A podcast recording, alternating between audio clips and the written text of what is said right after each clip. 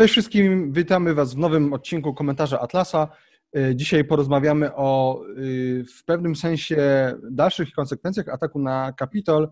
Y, mianowicie chodzi o to, że wiemy, że Twitter zbanował konto Donaldowi Trumpowi i wiemy też, że zbanował konta wielu innym osobom.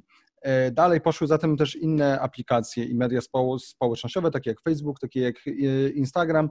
E, na chwilę obecną też wiem, że YouTube zablokował konto jeszcze obecnego prezydenta Stanów Zjednoczonych mm, na 7 dni. Czy to zostanie przedłużone, zobaczymy. No i w każdym razie wypełniła się, jest, jest teraz duża dyskusja na temat tego, czy Twitter, czy Facebook i inne media społecznościowe miały prawo to zrobić, czy to nie jest przypadkiem atak na wolność słowa, czy to nie jest swego rodzaju e, cenzura i czy te właśnie wielkie e, korporacje, ten big tech, czy właśnie nie zagraża wolności słowa.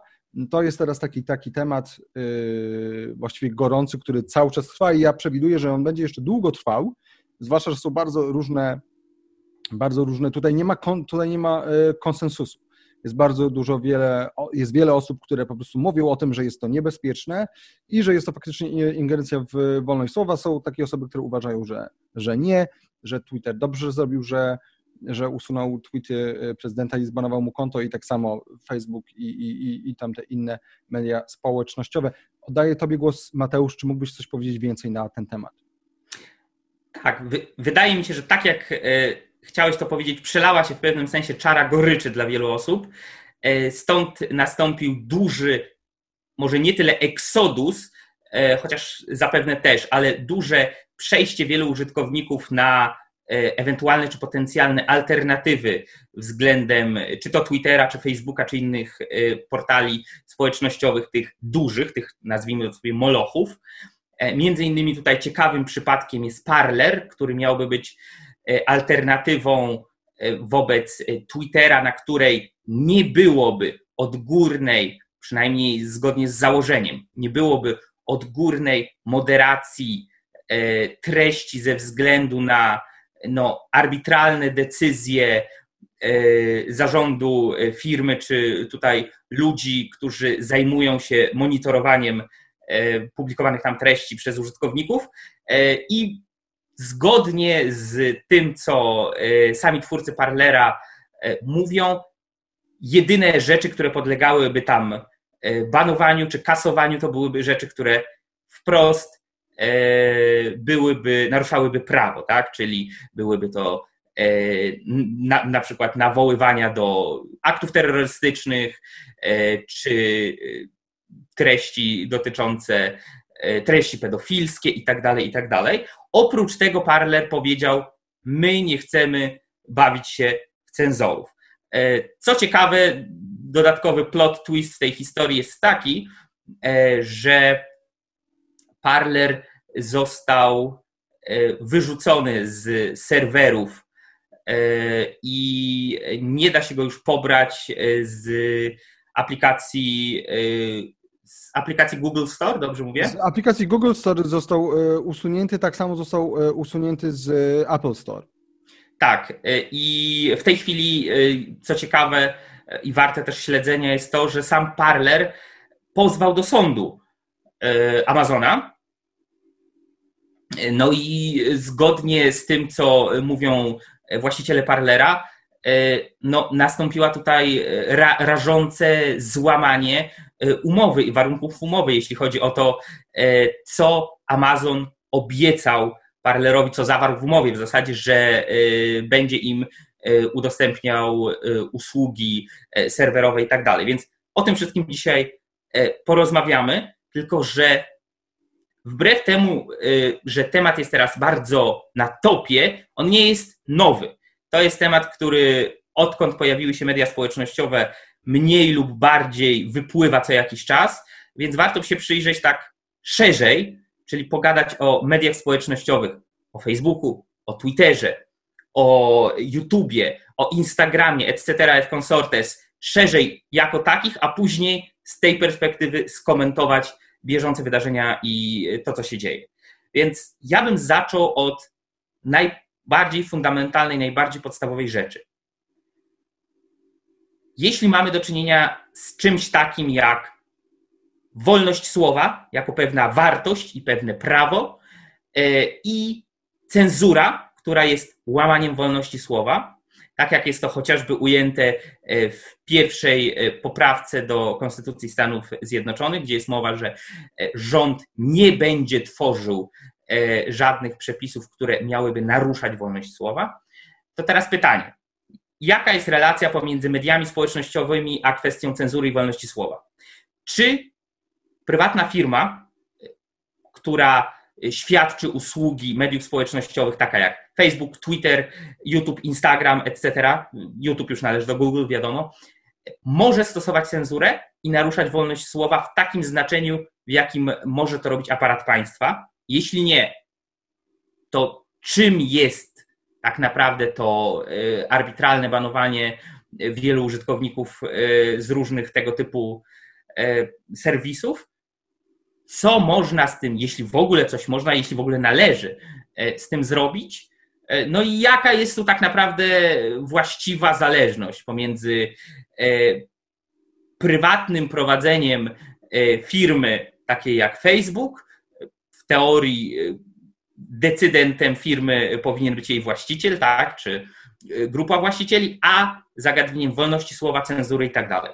Myślę, że od tego warto zacząć, bo to jest tutaj E, kwestia najbardziej fundamentalna. Znaczy ona jest, naj, ona jest najbardziej fundamentalna i właściwie jest też swego rodzaju mm, no, tą wisienką na torcie całej tej dyskusji, bo to ostatecznie o to się rozchodzi.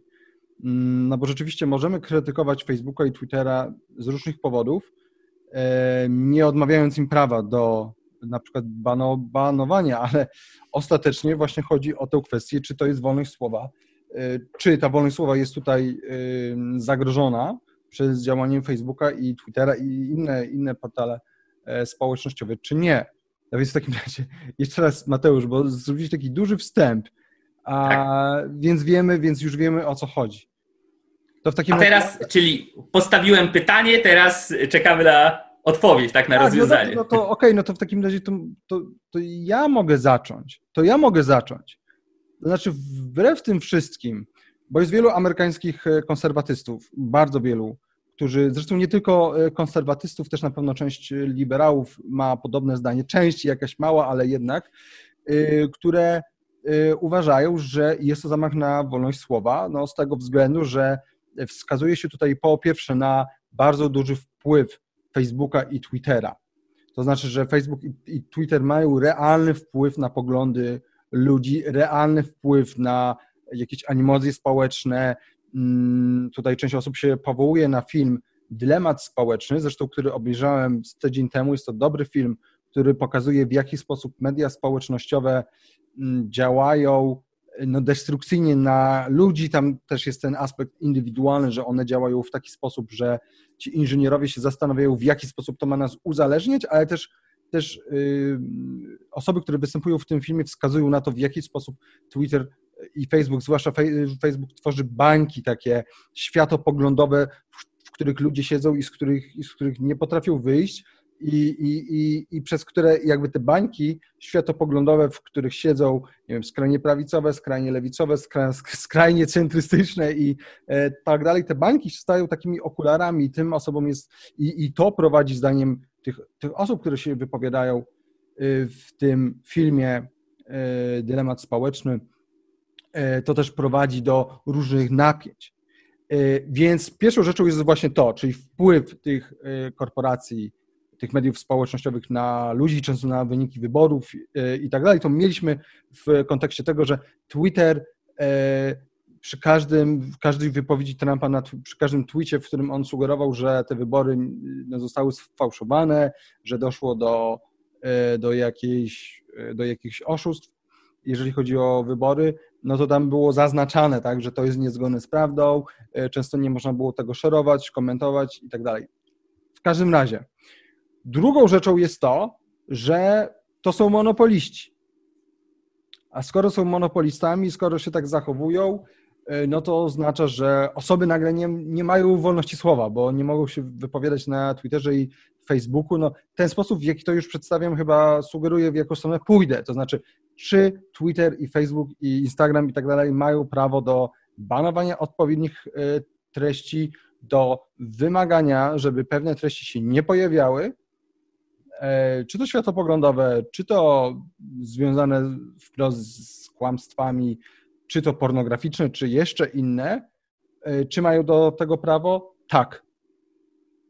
Czy jest to cenzura? Nie.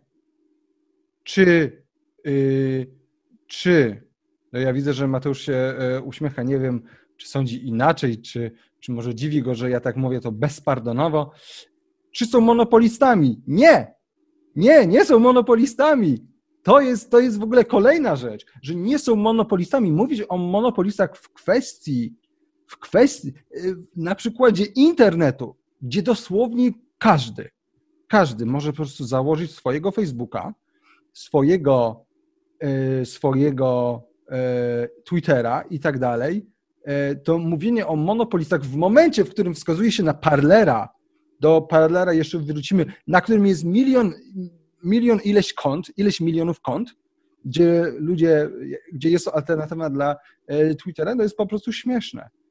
E, więc, więc ja bym w sumie no, od tego zaczął. Jakby nie wiem, Mateusz, na ile ty chcesz wchodzić w szczegóły, więc może zanim będę dalej mówił, to dam tobie przekazuję Tobie e, pałeczkę. Jak Ty to widzisz? Dzięki. No więc tak, pierwsza rzecz. E, ja lubię używać precyzyjnych terminów i precyzyjnych określeń. Czym jest wolność słowa, czym jest cenzura? Wolność słowa, tak aby miała jakiekolwiek sensowne znaczenie, oznacza po prostu tyle, że żadna osoba, nikt nie ma prawa przyjść do ciebie i grozić ci piąchą albo lufą karabinu albo y, odpaloną bombą, e, jeśli będziesz chciał powiedzieć, napisać albo y, w jakiejś innej formie przedstawić swoją opinię, swoje zdanie na temat X, Y czy Z. Mówiąc krótko, wolność słowa to jest po prostu e, prawo do tego, że napiszesz sobie artykuł, w którym e, będziesz twierdził, że Ziemia jest płaska, albo wystąpisz w telewizji, e, która akurat będzie chciała cię puścić i e, będziesz tam mówił, e, że Marian Kowalski jest najpiękniejszy. Albo pójdziesz do radia, czy założysz swoje własne radio, nawet na przykład radio internetowe, albo podcast na dowolnym serwerze, który będzie chciał, abyś tam publikował swoje podcasty i będziesz mówił, no nie wiem, na przykład, że ta dwójka z komentarza Atlasa i z klasy Atlasa to po prostu tak pierniczy od rzeczy, że w ogóle nie ma sensu ich słuchać, tak? No wtedy e, trzeba Dlaczego? banować. Trzeba banować. Dlaczego podałem takie przykłady? Bo y, to jest dosyć istotne, to jest coś, co na co zwrócił uwagę, wiele osób zwraca uwagę, ale y, w szczególności ostatnio ktoś, no, kto, czyje poglądy są dla mnie dosyć odrażające i obrzydliwe, czyli y, Noam Chomsky. Noam Chomsky powiedział, a zanim powtórzyło to parę osób, że wolność słowa to jest wolność słowa dla tych, z którymi ty się nie zgadzasz. Wolność słowa to jest wolność słowa dla tych, których poglądy ty uważasz za obrzydliwe i odrażające.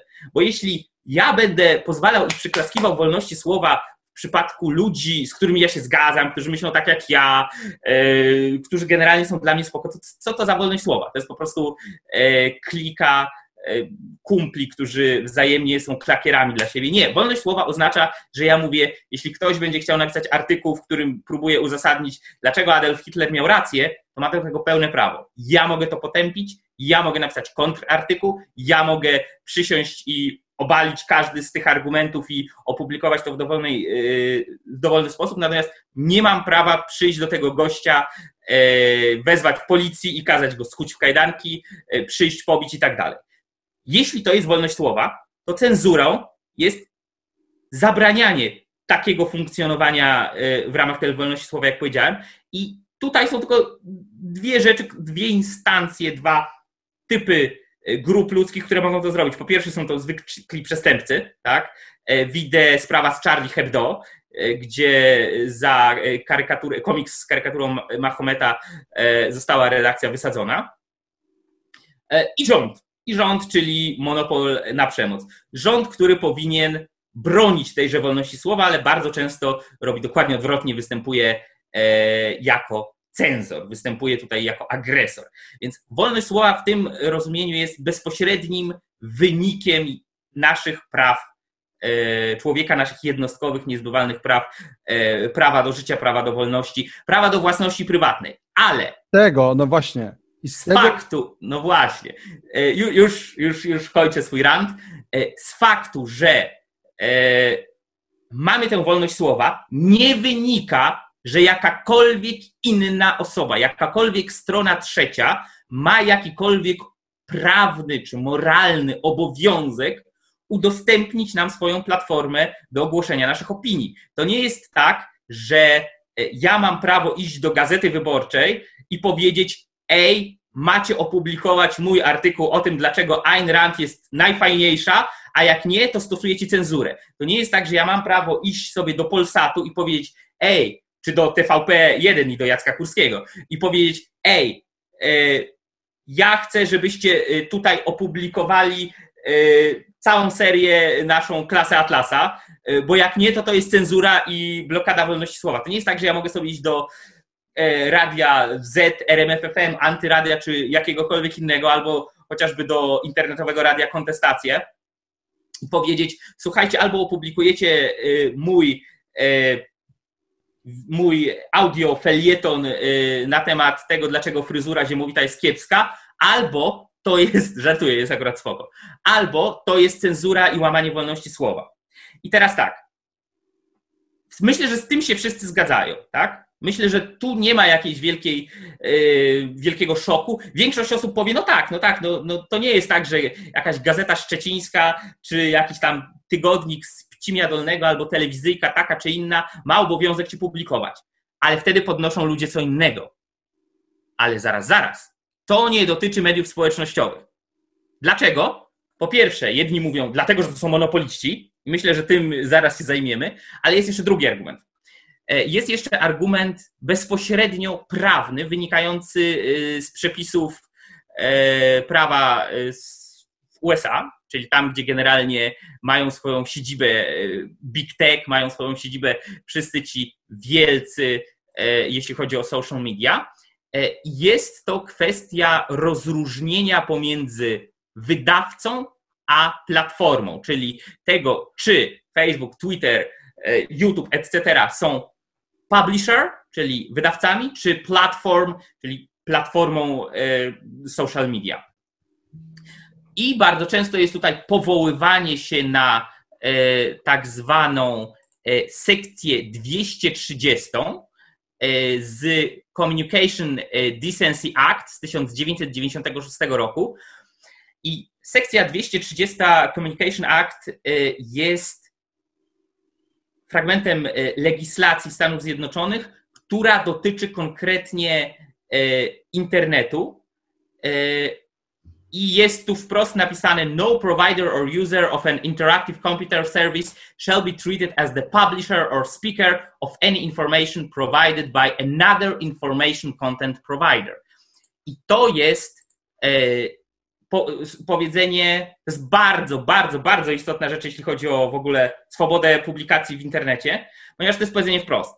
Jeśli założysz sobie, nie wiem, e, portal, na którym można zakładać blogi, albo jeśli założysz sobie właśnie coś takiego jak Facebook, Twitter i tak dalej, to nie jesteś prawnie odpowiedzialny za to, co użytkownicy będą tam pisać. Jeśli użytkownicy będą tam pisać y, rzeczy, które są niezgodne z prawdą, y, które są y, podżegają do nienawiści, szkalują kogoś, tak? Jeśli użytkownik Facebooka napisze jakiś post, w którym pisze jakieś szkalujące mnie czy ziemowita rzeczy, to Facebook jako firma nie jest za to odpowiedzialny, zgodnie z tą sekcją 230.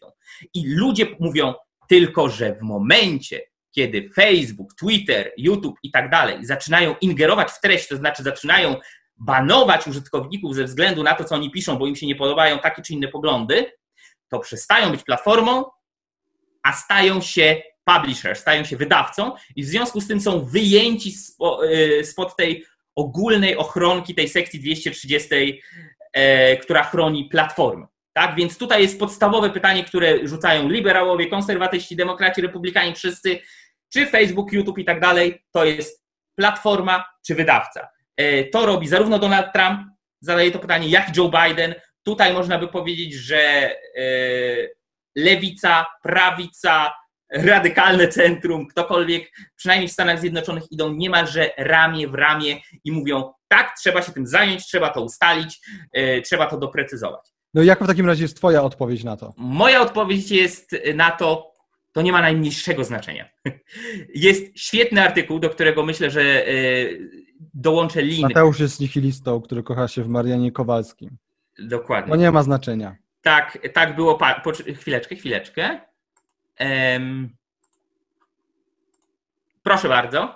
E, jest naprawdę fajny artykuł e, na Uwaga, uwaga, National Review, czyli yy, tak naprawdę no, na stronie, na portalu, który ciężko byłoby posądzić o jakieś specjalnie wybitnie libertariańskie, wolnorynkowe umiłowanie idei wolności. To jest National Review, to jest pismo, które było krytykowane jeszcze przez Ayn Randza i życia założone przez Williama Buckley'ego E, było krytykowane bardzo ostro. Natomiast nie zmienia to faktu, że pojawił się tutaj bardzo ciekawy artykuł, e, w którym autor pisze wprost: Nie ma znaczenia, czy uznamy, że Facebook, Twitter i tak dalej to są platformy do publikacji treści, czy to są wydawcy. A dlaczego nie ma znaczenia? Dlatego, że to, co e, nawet gdyby byli wydawcami, nawet gdyby, że to są publishers, to oni i tak nie odpowiadają prawnie i nie mogą odpowiadać prawnie e, za to, co osoby trzecie u nich piszą. I tu jest powiedziane wprost, jeśli jest sobie jakaś gazeta, na przykład e, Ziemowit i Mateusz, tak, mamy tygodnik Ziemowita i w tygodniku Ziemowita Ziemowit jako właściciel zamówi artykuł u jakiegoś, u jakiegoś publicysty czy dziennikarza, w którym będzie szkalował mnie, to Ziemowit odpowiada za, za, za, za ten szkalunek. Jeśli ja się poczuję yy, urażony albo co więcej uznam, że moje dobra osobiste, moje dobre imię zostało naruszone, to ja mam prawo pozwać zarówno tygodnik Ziemowita, jak i samego Ziemowita jako właściciela yy, tego tygodnika, który zamówił taki czy inny artykuł. Natomiast jeśli w tygodniku Ziemowita jakiś Iksiński będzie miał swoją własną kolumnę, w której pisze e, jeden skromny głosik Ellswortha Tucheja, tak, tak jak w źródle, w którym pisze sobie jakieś tam swoje dyrdymały i wyraża swoją opinię i akurat będzie szkalował tam mnie, to uwaga, uwaga. Zgodnie e, z tym wszystkim, biorąc pod uwagę całą tą kwestię sekcji 230 i tak dalej, to rozróżnienie platformy e, od wydawcy, ja nie mam prawa, pozwać mam, ale E, no nie wygram sprawy przeciwko tygodnikowi Ziemowita, ani przeciwko Ziemowitowi, tylko i wyłącznie przeciwko temu Iksińskiemu. Bo to, że Ziemowit pozwolił w swojej gazecie, jako wydawca przecież, nie platforma, bo wydaje gazetę, e, pozwolił w swojej gazecie jakiemuś tam Ellsworthowi, Tuchejowi czy innemu Iksińskiemu napisać w jego własnej kolumnie artykuł którym mnie szkaluje, to nie znaczy, że Ziemowit się z tym zgadza, to nie znaczy, że tygodnik Ziemowita popiera tę opinię, to nie znaczy, że on temu przyklaskuje, to nie znaczy, że on to zamówił. Nie jest winien, nie jest prawnie odpowiedzialny za to, co ów Iksiński czy Tuchaj tam napisali. Wobec tego kwestia tego, że jest sekcja 230, kwestia tego, czy my zdecydujemy, że Facebook, Twitter, YouTube, Instagram, etc., et consortes to są platformy neutralne platformy do publikowania treści. Czy to są wydawcy tacy jak New York Times, albo Gazeta Wyborcza, albo Gazeta Warszawska, nie ma znaczenia, ponieważ nadal ani zgodnie z pierwszą poprawką do Konstytucji, ani zgodnie nawet z tą yy, sekcją 230, na którą się wszyscy teraz powołują z lewa i prawa, ani ze względu na to rozróżnienie pomiędzy publicystą, e, pomiędzy platformą a wydawcą, nie są odpowiedzialne te podmioty za to, co indywidualni e, użytkownicy tam piszą i nadal te podmioty mogą, jeśli chcą, zgodnie ze swoimi zasadami, banować, e, kasować komentarze, e, etc., et consortes. Więc to jest jakby no, z mojego punktu widzenia tutaj fundament pod dalszą dyskusję. Tutaj artykuł jest autorstwa Davida Harsaniego, ten, który polecam, więc no, dodam go na pewno jako, jako coś do przeczytania. Ziemowit. Tak, no okej, okay, no to w takim razie właśnie bardzo, bardzo w sumie dobrze, że, że, o tym, że o tym wspomniałeś. No i kolejną kwestią jest, o której ja już powiedziałem, czyli kwestia no, monopolistów. E, tutaj właściwie jedyną odpowiedzią na tego typu twierdzenia, że to ja może przeczytam w takim razie bez, e, już bez pokazywania e, ludziom. Krzysztof Bosak napisał 9 Pokaż! Pokaż. Ja myślę, że warto. Jeśli czytamy konkretne, krótkie tweety czy komentarze, to Dobra. szeruj. Okay. Żeby nie było, że jesteśmy gołosłowni. Okej. Okay. Widać? Widać. No więc tak, y, Krzysztof Bosak napisał, że 9 y, stycznia ochrona Y, tutaj widzicie, ochrona wolności nie podlega na braku regulacji, ale na ich mądrym stanowieniu, zgodnym z zasadami pomocniczości i dobra wspólnego. Tak, tutaj mamy jakieś odniesienie się do dziwnych terminów, jak dobro wspólne. Dopóki korporacje Big Tech nie zagrażały wolności, regulacje były zbędne. Gdy zagrażają, są potrzebne. To nie jest sfera ideologii, lecz praktyki. I dalej napisał. Warto przypomnieć, że w bliskiej mi ordoliberalnej szkole ekonomicznej rynek to miejsce konkurencji, a konkurencja wymaga wielości. Prawo ma służyć działaniu konkurencji, a więc dbać o pluralizm możliwość wchodzenia na rynek nowych graczy i zapobiegać paraliżującej mm. koncentracji. No i teraz tak, przede wszystkim zacznijmy od tego.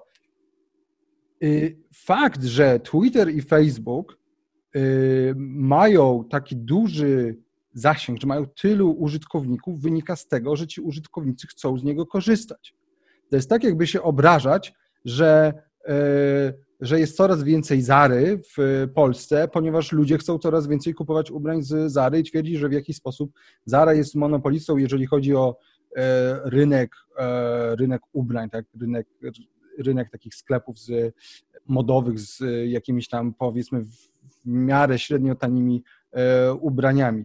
Każda z tych każda z tych platform, każda z tych, każdy z tych serwisów e, społecznościowych ma swoją siłę, ponieważ ludzie chcą po prostu w nich brać udział. Inną jest rzeczą to, czy powinni, czy jest to dla nich dobre, ale to o tym powiem, co, co o tym sądzę. E, więc to jest pierwsza rzecz. Druga rzecz, tak jak powiedziałem, nic nie stoi na przeszkodzie. To nie jest tak, że działania Facebooka, e, Twittera czy Instagrama blokują możliwość istnienia innych aplikacji, które by y, świadczyły podobne lub takie same usługi. I tutaj bardzo dobrym przykładem jest Parler, czyli Parler, który owszem, boryka się teraz z y, tymi, z tymi problemami, o których wspomnieliśmy, y, natomiast mówienie o tym, że jest monopol, monopol, tak, czyli że tylko oni mogą świadczyć te usługi z jakiegoś niewiadomego względu. W momencie, w którym istnieje Parler, który ma miliony, miliony użytkowników, jest po prostu błędne i jest po prostu fałszem. A nawet gdyby nie istniał Parler i istniałby tylko Facebook i Twitter, to w każdej chwili ktoś może założyć e, coś podobnego do Twittera, coś podobnego do Facebooka. Oczywiście, że z mniejszym zasięgiem, ale to już by zależało od tego, jak bardzo by się reklamowali i jak bardzo chcieliby użytkownicy przejść, czy, równo, czy również korzystać z z tej, z tej, z tej innej aplikacji czy z tej innej strony. Tak, tak samo jak wiele osób przeszło na Parlera, ale, pozost ale też pozostali na e, Twitterze. Nie tylko konserwatyści się mówi, że to, że to jest tylko dla e, konserwatystów, ale tam przeszło też wiele, też wiele innych osób, też wielu e, liberałów i skrajnych centrystów. Ja, jeśli mogę, mam dwie uwagi a propos komentarza Krzyśka Bosaka, który pokazałeś przed chwilą, Krzysztofa Bosaka. Krzysia Bosaka pierwsza. Ja, ja nie jestem fanem, e, szczerze mówiąc, e, takiego właśnie familiaryzacji się i zmiękczania własnych imion, tak jak jest, nie wiem. E, cała masa celebrytów tak robi, że mówi nie swoim pełnym imieniem, tylko wiesz, Ziemuś Gowin. No, mówmy się, no. Mniejsza. W każdym razie, odnosząc się do tego tweeta Krzysztofa Bosaka, do tych dwóch tweetów. Pierwsza rzecz to praktycznie Krzysztof Bosak sparafrazował e, postać, z którą raczej nie chciałby być sam stawiany w jednym szeregu, e, czyli pana Piotra Szumlewicza, a mianowicie słynny cytat Piotra Szumlewicza, e, aby istniał wolny rynek, muszą być bardzo surowe regulacje. I tutaj w zasadzie Krzysztof Bosak poszedł tym samym tokiem myślenia.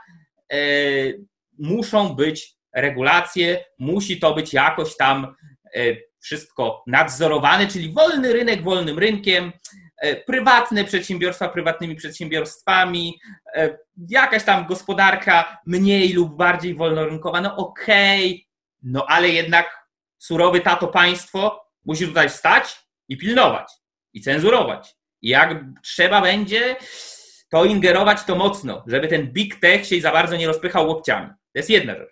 Druga rzecz, e, on tam napisał zdanie bodajże, popraw mnie Zimowicz, jeśli się mylę, to nie jest e, sfera ideologii, lecz praktyki. Tak. Jak wiemy, nie tylko dzięki, ale między innymi dzięki Hankowi Rirdenowi z Atlasa Zbuntowanego, e, kwestia tego, czy człowiek jest człowiekiem praktycznym, czy nie, zależy od tego, co zamierza praktykować. Takie zdanie to nie jest kwestia ideologii, tylko praktyki, jest czystym pragmatyzmem. Mieliśmy y, odcinek o pragmatyzmie y, w naszych podcastach filozoficznych Klasa Atlasa. Odsyłam do niego, zachęcam. Y, w każdym razie to jest czyste wywieszenie białej flagi, jeśli chodzi o jakiekolwiek pryncypie, jakiekolwiek fundamentalne zasady. To jest powiedzenie, no niby mamy jakieś tam zasady, że, że tam trochę lubimy wolny rynek, własność prywatną, ale jak trzeba, to my je odwieszamy na haczyku i patrzymy, co jest bardziej e, zgodne z pragmatyzmem. I w tym momencie e, tutaj, jak, jak mawiali kiedyś komuniści, znowu nie sądzę, żeby Krzysztof Bosak był zadowolony z takiego porównania, no mamy kolejną mądrość etapu, tak? Był taki etap, to trzeba było popierać E, tutaj mówić dużo o wolności słowa, a teraz jest inny etap, więc mówmy raczej o tym, jakie to złe i zagrażające są nam wielkie media społecznościowe.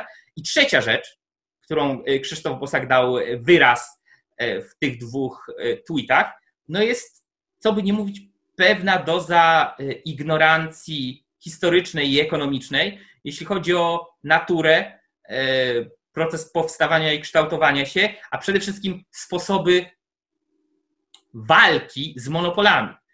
E, bo tutaj Krzysztof Bosak wprost, e, praktycznie wprost poparł e, praktyki ustaw antymonopolowych, a ustawy antymonopolowe mają już swoją długą historię i jeśli ktoś trochę bardziej się wgłębia w tę historię i trochę bardziej patrzy na to z punktu widzenia skutków gospodarczych, to nawet zawieszając na chwilę na haczyku właśnie tą ideologię, jak to powiedział Krzysztof Bosak, zawieszając na haczyk, a przez ideologię tutaj tak naprawdę chodzi o pryncypia i zasady, e, zwłaszcza zasady e, moralne i e, prawa jednostki, to nawet patrząc czysto ekonomicznie, czysto szkiełkiem i okiem, spróbując robić to bez wartościowania, to ustawy monopolowe, zwłaszcza takie, które uderzały już od setek lat w wielkich E, przedsiębiorców, takie jak na przykład e, Standard Oil, e, powodowały destrukcję wartości rynkowej, powodowały skutki sprzeczne z zamierzonymi intencjami. Słuchaj, to jest niesamowite, że o tym wspominasz. Bodajże dwa dni temu w Polsat News w debacie dnia na Standard Oil e, e, oparł się Robert Winnicki, E, druga osoba z, z, Konfederacji, z tej części narodowców, która mówi, że gdyby wtedy państwo czegoś nie zrobiło, o, to teraz to byśmy, to teraz Stany Zjednoczone byłyby po prostu rządzone przez, e, przez tę... E, no, no, to, no to zarówno panu Robertowi Winnickiemu, jak i wszystkim innym, e, którzy E, tak uważają. Nie mamy tutaj za bardzo czasu i nie jest to też nasz temat, żeby wgryzać się w to, e, czym jest monopol, jak zdefiniować monopol, e, dlaczego ustawy antymonopolowe były szkodliwe tak naprawdę. I to nie tylko dla samych firm, które rzekomo były monopolistami, tylko dla konsumentów jako całości, jako takich, czyli generalnie dla społeczeństwa. Nie ma czasu się w to wgryzać. Odsyłam między innymi do krótkich nagrań, jeśli ktoś lubi krótką formę wideo na kanale Prosta Ekonomia tam są przynajmniej dwa odcinki poświęcone konkretnie e, Standard Oil e, i chyba nawet są zatytułowane Ten straszny monopol.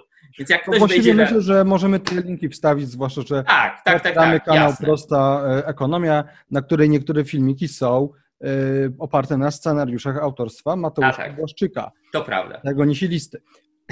Podsumujmy krótko to, co dotychczas powiedzieliśmy. Naszym zdaniem to, co zrobił Facebook, to, co, to, co, to, co zrobił y, Twitter i generalnie to, co mogą robić media społecznościowe, czyli banować, usuwać użytkowników, czy usuwać konkretne treści, uważamy, że mają do tego prawo i że nie jest to y, nielegalne.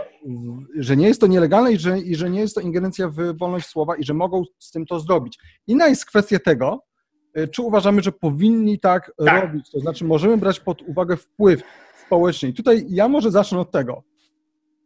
Okej, okay, to, tylko, to tylko powiem, żeby widzowie mieli jasność. Do tej pory skupialiśmy się na kwestii tego, czy Facebook, i y, Twitter i inne media społecznościowe uprawiają cenzurę i czy łamią wolność słowa, czy mają prawo do takiego, a nie innego y, prowadzenia swojej działalności jako firmy zajmujące się social media, czy mają prawo do dawania banów, do blokowania kont, do kasowania E, wpisów, etc., et consortes, i czy to powinno być legalne w systemie prawnym wolnego społeczeństwa oraz, kiedy trochę wspominaliśmy o tej sekcji 230, czy to jest legalne w ramach obecnego prawa Stanów Zjednoczonych, no ponieważ wszystkie te korporacje Big Tech tam mają swoje główne siedziby. I odpowiedź nasza była, to nie jest cenzura, to nie jest łamanie wolności prawa, owe wielkie firmy mają prawo stosować taką wewnętrzną politykę e, wobec użytkowników. E, nie jest to nielegalne zgodnie z prawem USA. Nie ma znaczenia, czy jest to platforma, czy e, wydawca. To jest irrelevantne wobec tego. I tak, to powinno być legalne i możliwe do podjęcia działanie w wolnym społeczeństwie. I to jest jedna kwestia, a teraz przechodzimy do drugiej. Czy to jest w porządku? Czy to jest dobra praktyka biznesowa? Czy tak się powinno traktować swoich użytkowników? E, czy to ma dobre konsekwencje społeczne? E, czy generalnie powinniśmy przyklaskiwać Twitterowi, Facebookowi i tak dalej e, ze względu na takie, a nie inne decyzje? A jeśli mamy wobec tego jakieś zastrzeżenia, to co można robić, co warto zrobić, jakie kroki podjąć, bez wołania na pomoc surowego taty państwa, bez krzyczenia o konieczności interwencji rządu, bez nie daj Boże, bo takie głosy też się pojawiają, e, nawoływania do nacjonalizacji mediów społecznościowych, to to już jest w ogóle odpał taki jak e, stąd do Hiroshimy i Nagasaki, ale niektórzy nawet tak e, krzyczą. Więc co może zrobić jednostka, co może zrobić jakaś grupa, która korzysta z mediów społecznościowych, chciałaby korzystać, uważa, że one mają wpływ e, na e, sposób myślenia wielu ludzi e, i uważa, że te media społecznościowe działają niekoniecznie tak, jak powinny i niekoniecznie tak, jak jest to dobre, słuszne i zasadne i chciałaby to zmienić, ale nie będzie wołać państwo pomóż, rządzie nacjonalizuj, politycy ratujcie. Więc tylko daje znać, że przechodzimy ku tej drugiej stronie. Dobra, to jestem już po tej drugiej stronie. W takim razie może zacznijmy od tego. Zgadzam się z tymi, którzy mówią, że to nie jest prawda, że Donald Trump nawoływał w jakiś sposób do, y, do, no, do tego, żeby korzystać, z, żeby ci żeby te osoby atakujące Kapitol jakby kontynuowały swoje agresywne zachowanie. E, jego, e, jego Twitter został zablokowany, bo to on najpierw był zablokowany po tym, jak e, Trump opublikował krótkie oświadczenie, które uważam, że on tam popełnił błąd, to znaczy on tam powiedział, on się jakby utożsamiał z tymi ludźmi, on mówił, że tak, sympatyzował, że wy, sympatyzował z ich sprawą. Że wy jesteście dobrzy, że wy jesteście patriotami, ale idźcie do domów. Więc no fa faktycznie mówił, że, że, idźcie, że idźcie do domów, nie potępił ich za bardzo, co właściwie od tego się zaczęło. On teraz to zresztą potem ich potępił e, ostro i teraz no już widzę, znaczy już widać, że on sobie zdał sprawę z tego, że to był błąd, znaczy na pewno zdał sobie sprawę że z tego, że to był błąd strategiczny, czy że to był błąd, czy, czy że on faktycznie moralnie powinien był ich potępić, to nie wiem, co, co, mu, co mu w głowie siedzi. E, ja uważam, że powinien był ich od razu potępić i to już wcześniej i powiedzieć wprost, że, że jakby nie róbcie tego i tak dalej, i że, i że ja to potępiam. Natomiast, natomiast y, pierwsza rzecz jest taka. Trzeba zwrócić uwagę na to, czy, dana, y, czy, dana, e, czy dany portal społecznościowy, tak jak Facebook i Twitter, czy na przykład blokuje jakieś konto zgodnie ze swoimi zasadami. I tutaj każdy użytkownik w pewnym sensie podpisuje umowę, zgadza się na pewne warunki. I teraz, jeżeli on tych warunków nie przestrzega, to oczywiście portal społecznościowy ma prawo ilegalnie, immoralnie zaraz jakby zadziałać, nie wiem, zbanować, zablokować, usunąć dany wpis. Natomiast no, zakładając oczywiście, że sam nie łamie swoich ustaleń. I ja tutaj nie, nie mówię, że Twitter złamał swoje ustalenie, czy że Facebook je łamie, ja po prostu tego nie wiem i uważam, że tutaj jak najbardziej, jeżeli ktoś by chciał pozwać Facebooka lub Twittera, bo uważa, że one postąpiły niezgodnie z umową między nimi, y, to ma do tego prawo. I tutaj nie ma żadnej sprzeczności. Jest pewna umowa między użytkownikiem a tą platformą, e, społecz tą platformą e, społecznościową. Jeżeli ta umowa jest łamana przez tę platformę społecznościową, to jak najbardziej można ją pozwać, więc to jest pierwsza rzecz. Druga rzecz, którą bym powiedział, to to, że no, faktycznie Twitter i Facebook nie są za bardzo e, konsekwentne i tutaj wskazuje się wiele tweetów, e, powiedzmy, Ameryka, amerykańskich liberałów, czy często e, lewicowców, którzy jak najbardziej nakłaniali ludzi do protestów tych wakacyjnych Black Lives Matter, które były po prostu no bezpośrednio, znaczy były po prostu wprost e, agresywne, e, jakby skala zniszczeń jest nieporównywalna, jeżeli chodzi o Kapitol, tak już, już, już o tym rozmawialiśmy. Mimo to Twitter ich nie kasował, mimo to Twitter nie banował tych, tych kont. Tutaj mam, mam jeszcze zabawniejszy przykład, bo jest, bo jest tweet, bo jest tweet um,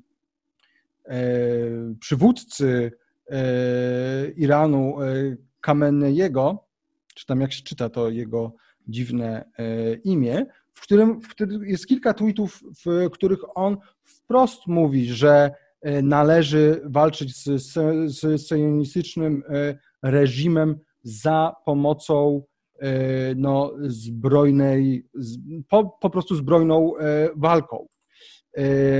I że i że e, Iran będzie wspierał e, każdy naród lub każdą e, grupę, która w jakimkolwiek miejscu walczy z reżimem syjonistycznym i że nie boimy się tego powiedzieć. I tutaj Twitter, i to, był, to były tweety z maja, z 19, 20 i 21 i tutaj mm, Twitter odpowiedział, że te wpisy w żaden sposób nie naruszają polityki tej platformy. No to jeżeli Trump mówi coś takiego, w którym nie ma żadnego wprost nawoływania, żeby ta, ten, ten atak na Kapitol miał dalej miejsce, tylko no jest takie odcięcie się nie do końca, y, a, a tutaj mamy lidera Iranu, y, państwa, no, który de facto jest dyktaturą, jest państwem teokratycznym, jest państwem z gruntu y, rasistowskim, antysemickim,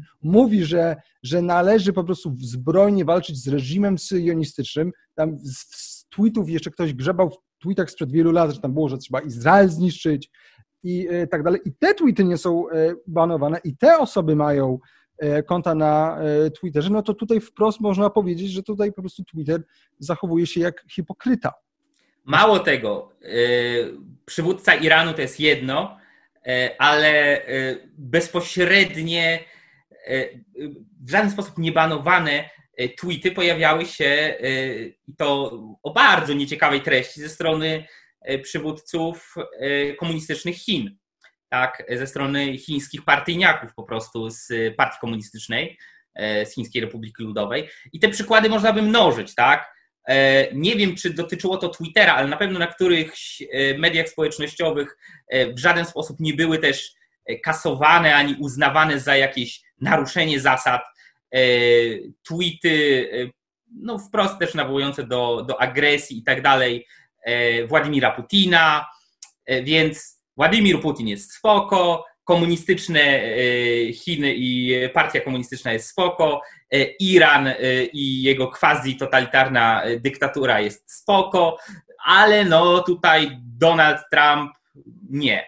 Więc ja się absolutnie zgadzam z Tobą, że jest to przykład no, dalece, dalece, dalece posuniętej hipokryzji, przykład tak. godzin potępienia i jeśli, jeśli chcesz dokończyć jeszcze, to proszę, bo jeszcze mam. Tak, to ja jeszcze tylko, tylko dokończę, więc są te dwie rzeczy, które powiedziałem, czyli że Trump wcale nic takiego strasznego nie, nie mówił, choć, choć mam do niego duże pretensje i uważam, że e, znaczy on na pewno jest jednym, on nie jest przyczyną tego ataku na e, Kapitol i uważam, że nie jest za to odpowiedzialny bezpośrednio, ale pośrednio przyczynił się do tego tą całą swoją narracją o ukradzionych wyborach bez podawania, jeszcze raz, bez podawania dowodów.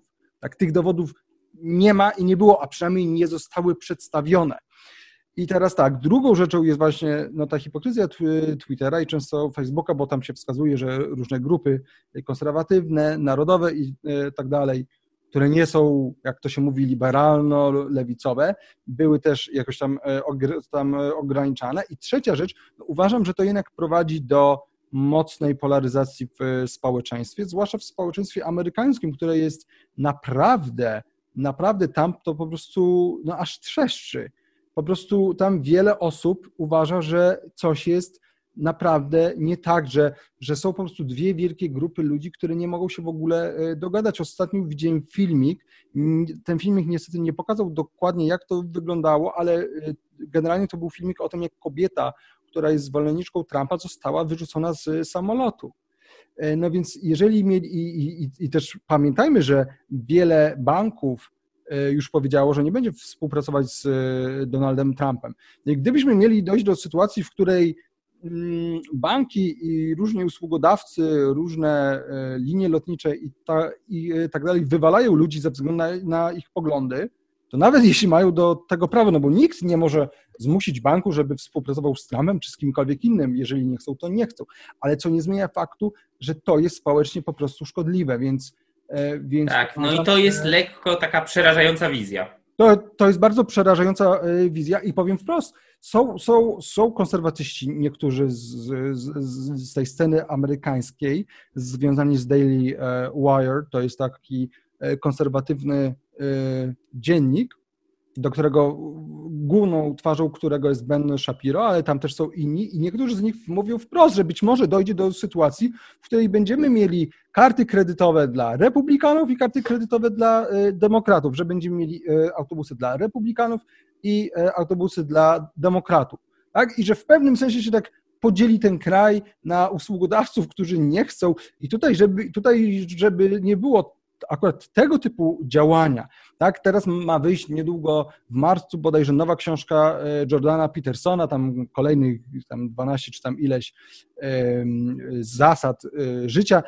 I tu już wiele osób mówi, y, nie, nie chcemy, żebyście tam bodajże Penguin miał to e, opublikować, chyba ostatecznie to opublikuje, ale wiemy, że wiele osób z pracowników Penguina odeszło już, pomijam, już pomijam fakt, jak, jakimi są dziećmi, jak są żałośni, e, ale są osoby, które wprost mówią do różnych, do różnych wydawców, wskazując na pewną e, książkę, nie wydawajcie tej książki. I, o, I jeszcze raz, mają do tego prawo, to jest protest e, konsumencki, my to omawialiśmy, jak rozmawialiśmy o cancel culture, w ramach klasy e, Atlasa, mają do tego prawo, ale to nie znaczy, że... A my mamy prawo to potępić. A my mamy głupie. prawo to potępić i ja to potępiam, więc potępiam po prostu wszelkie działania, które prowadzą do polaryzacji społeczeństwa.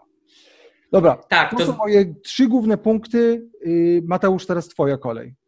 Jasne. Y, do każdego z nich w pewnym sensie się e, odniosę. Natomiast pierwsza rzecz e, to jest to, co mówiłeś a propos tego, że śmiało nie ma niczego złego w tym, że ktoś złoży indywidualny czy grupowy pozew przeciwko firmie świadczącej usługi social media, przeciwko Twitterowi, Facebookowi, Instagramowi i tak dalej, że y, złamał y, warunki umowy z użytkownikiem, y, ponieważ no, umowa była taka, taka, taka śmaka, a tu nagle jest arbitralny, bezpodstawny, e, bezprawny ban, który łamie tę umowę, idzie pozew, idzie, e, idzie oskarżenie.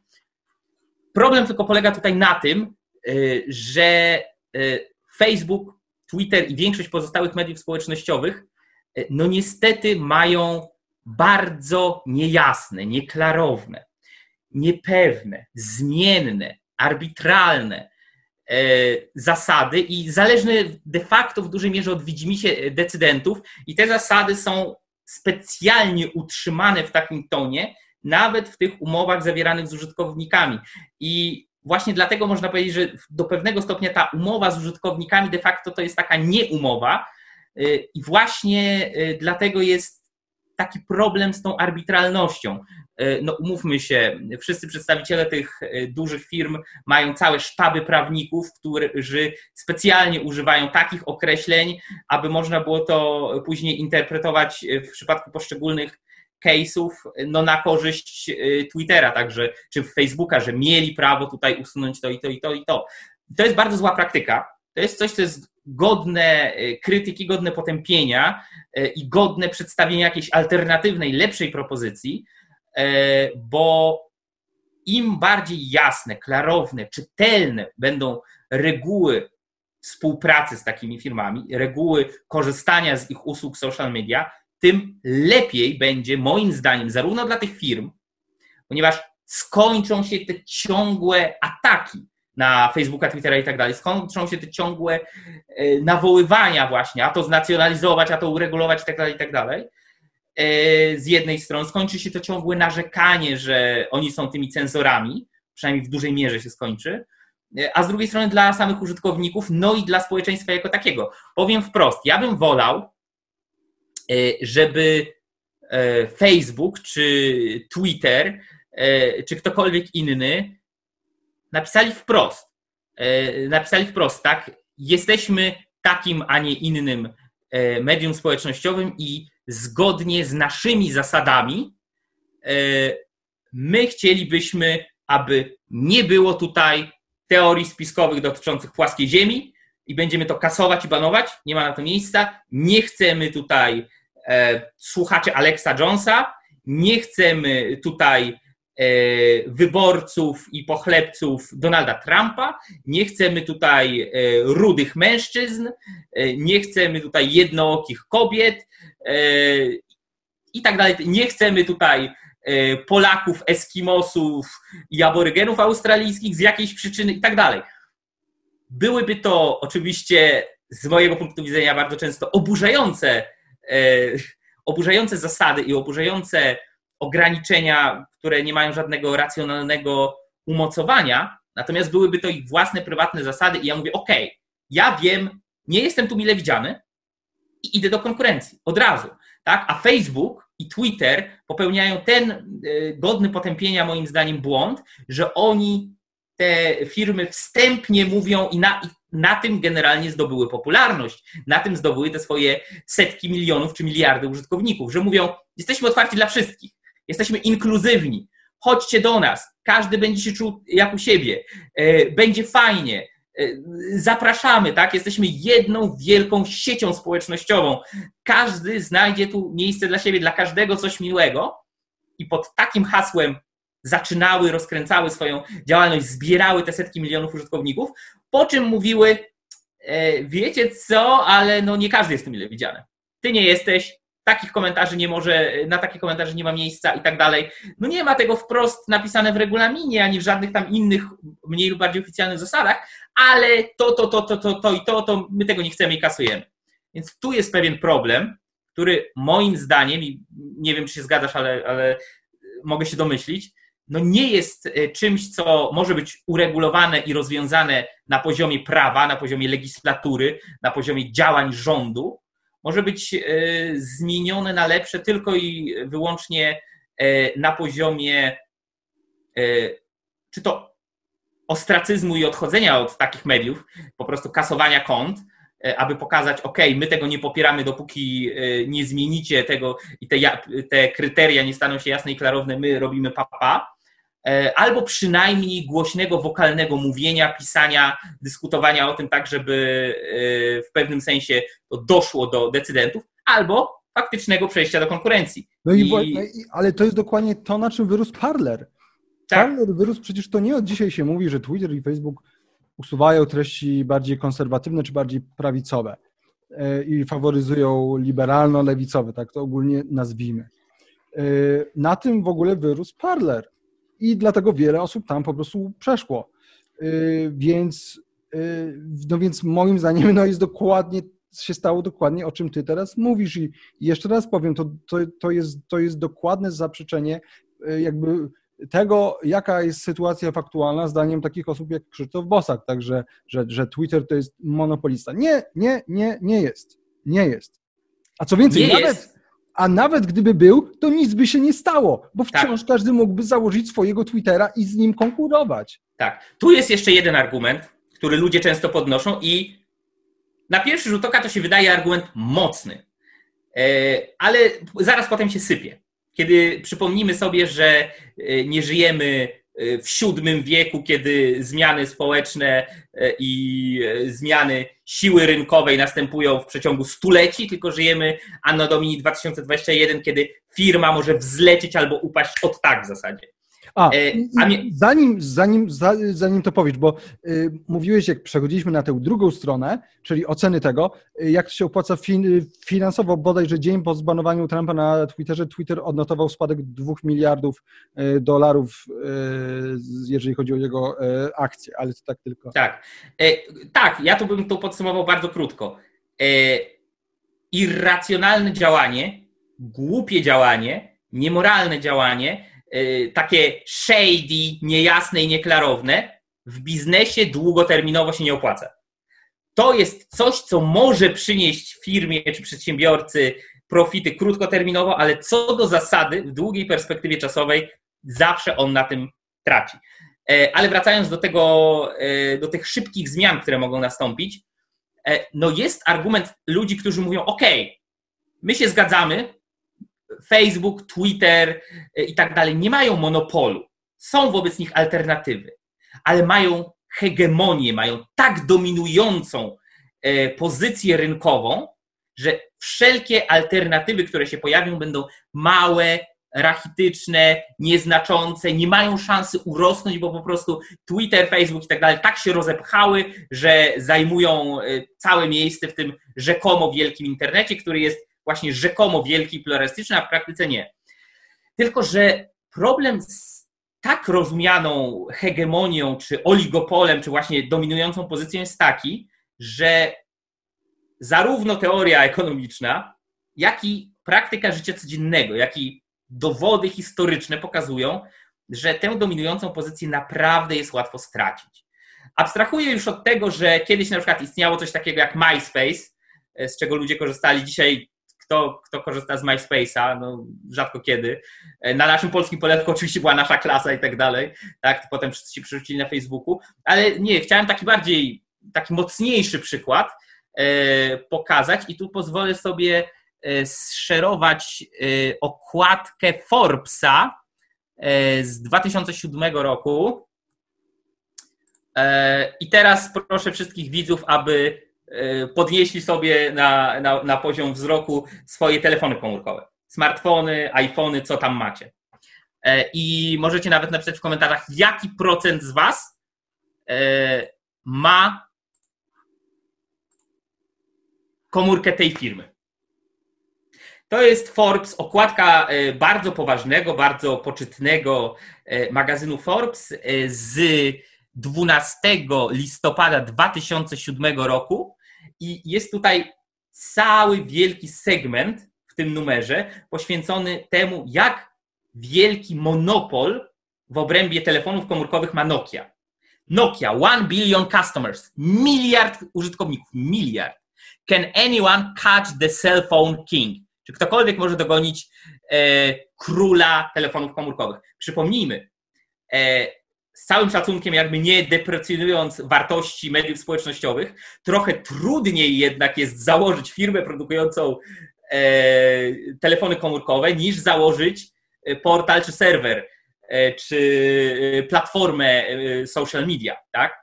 I w 2007 roku bardzo poważnie było rozważane to, czy monopol Nokii czy tam przynajmniej ta hegemoniczna, dominująca e, pozycja na rynku telefonów komórkowych kiedykolwiek e, ulegnie zachwianiu, kiedykolwiek zostanie rozbity, czy ktokolwiek będzie w stanie przeciwstawić się Nokii. To nie było bardzo dawno temu. 2007 rok to jest co? 14 lat, tak?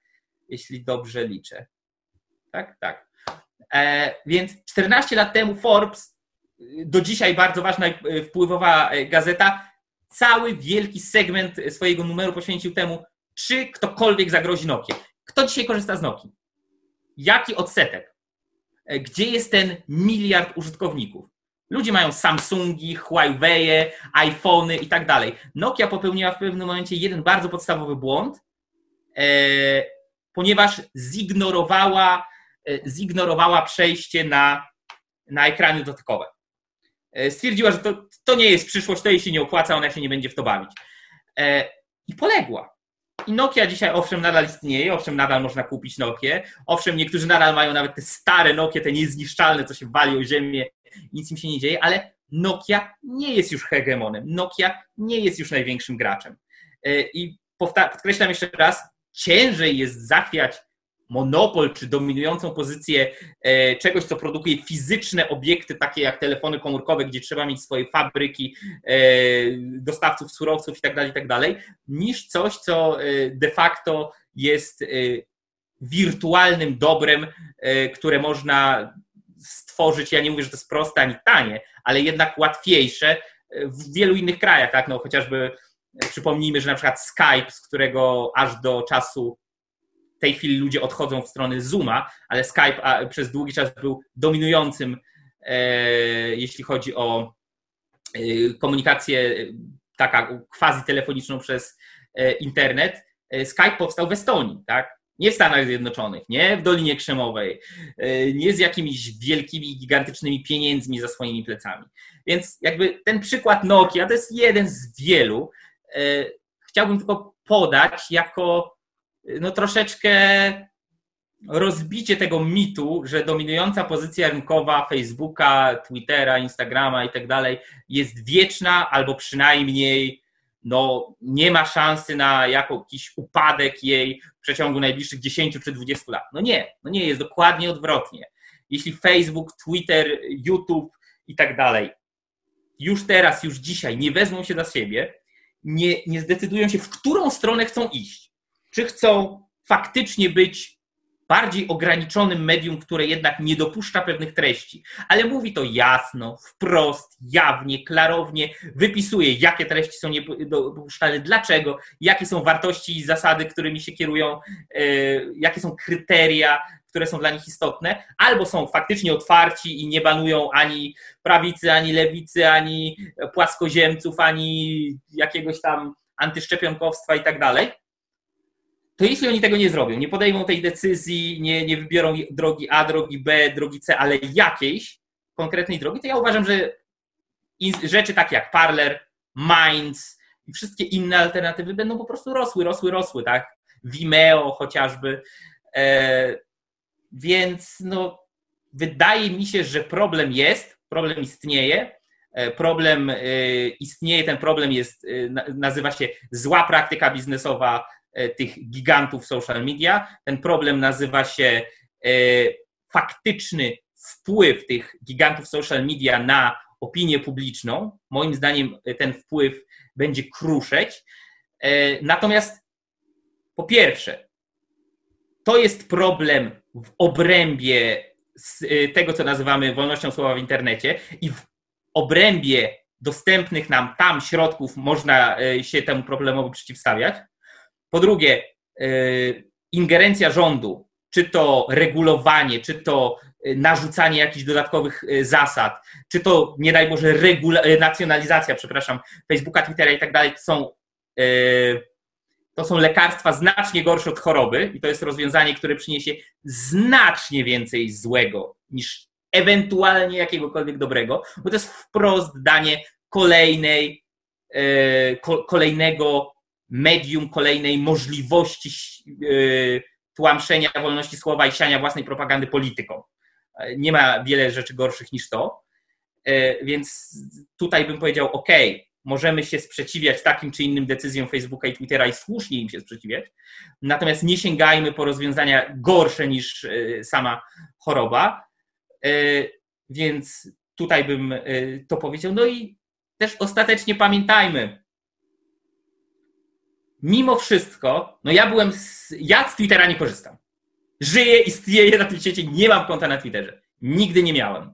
Nie zamierzam w najbliższym czasie założyć. Nie mam konta na Instagramie. E, życie istnieje poza mediami społecznościowymi, naprawdę, wbrew pozorom. E, na Facebooku mam konto od pra, ładnych tam siedmiu lat, nie wiem, pewnie tak będzie. E, byłem zbanowany ze dwa, trzy razy, przeżyłem okres banu, też jakoś przeżyłem, nie płakałem po kątach, e, a mimo to piszę tam dosyć często, dosyć regularnie publikuję jakieś swoje treści, teksty i tak dalej, niekoniecznie politycznie poprawne. Chciałbym, żeby Facebook zmienił swoją politykę względem użytkowników, ale to jest w końcu tylko Facebook. I taka ostatnia rzecz, jaką ja bym chciał powiedzieć, to e, no spójrzmy, to jest tak jak problem alkoholizmu, tak? E, czy zakaz e, produkcji i spożywania alkoholu w Stanach Zjednoczonych faktycznie rozwiązał ten problem? Czy prohibicja jest rozwiązaniem problemu nadużywania alkoholu? I co więcej, czy problem nadużywania alkoholu bierze się z tego, że E, są firmy, które produkują alkohol, które wytwarzają wódkę, wino, e, gin i tak dalej. Czy też wynika to z tego, że ludzie po ten alkohol sięgają i że trzeba spojrzeć na to raczej z tego punktu widzenia, czyli nie jest problemem to, że istnieje Facebook, który ma głupią politykę, e, tylko że ludziom jest z tym do pewnego stopnia dobrze, albo nie chce im się poszukać alternatyw, albo nie chce im się e, spróbować no, dokonać jakiegoś bojkotu konsumenckiego, tak aby wpłynąć na tego YouTube'a, e, czy Facebooka, czy Twittera, aby no, jeśli będzie zachowywał się tak, jak się zachowuje dalej, aby spotkał go los Noki. Tak. Strasznie długi rant, przepraszam, oddaję głos. Tak, to jest, proszę Państwa, zrobimy po prostu komentarz Mateusza, bo widać, że Mateusz chce coraz bardziej nie, nie, monolog, a nie, a nie dwugłos. Ja powiedziałbym, że cały czas mam e, sentyment do Nokii, bardzo długo się wzbraniałem przed zakupieniem smartfona. Jeżeli to, to, to, to już dzisiaj mamy wyjątkowo długi odcinek, ale skoro jest tak długi, skoro dotrwaliście tutaj, jeśli dotrwaliście, to przeżyjecie jeszcze tę moją wypowiedź. Osobną kwestią jest używanie, mm, korzystanie z, z social mediów. I ja wiele już na ten temat czytałem, wiele, wiele różnych mądrych wypowiedzi słuchałem na ten temat, w jaki sposób one źle na nas wpływają i w ogóle też jaka jest kwestia stosunku naszego mózgu do miliardów informacji, które, z którymi się stykamy każdego dnia, tego jak wyglądają te e, social media, w jaki sposób one sprawiają, że my się od nich e, uzależniamy i tak dalej, i tak dalej. E, no ja już osobiście, jeżeli już Mateusz tak powiedział, ja miałem Instagrama, ja, ja miałem Facebooka, zarówno Facebooka, jak i Instagrama usunąłem. Twittera mam, ale z niego nie korzystam. Mam też Parlera, ale to założyłem sobie z dwa miesiące temu, ale też po prostu, żeby, żeby zobaczyć. Jeżeli ja uważam, że ludzie powinni odejść od social mediów. Naprawdę to mówię, uważam, że ludzie nie powinni korzystać z social mediów, a na pewno nie z takich, które, które no, zarabiają po prostu na reklamach, bo wtedy po prostu chcą, żebyśmy jak najwięcej, jak najwięcej z nich e, korzystali. E, I tutaj polecam, znowu jeszcze raz wspomnę, na Netflixie jest Oczywiście oni nam za to nie płacą, za te reklamy, a szkoda. E, na Netflixie jest film e, Społeczny Dylemat, Social Dilemma. Jak ktoś chce zobaczyć, w jaki sposób, e, jak ktoś chce po prostu w skrócie zobaczyć, dlaczego korzystanie z social mediów nie jest fajne, to polecam to i polecam po prostu z nich nie korzystać. Ja nie korzystam i nic się nie dzieje, a wręcz jest zupełnie lepiej. I chyba na tym już poprzestaniemy, także dziękujemy Wam za dzisiaj i do zobaczenia następnym razem. Na razie, cześć.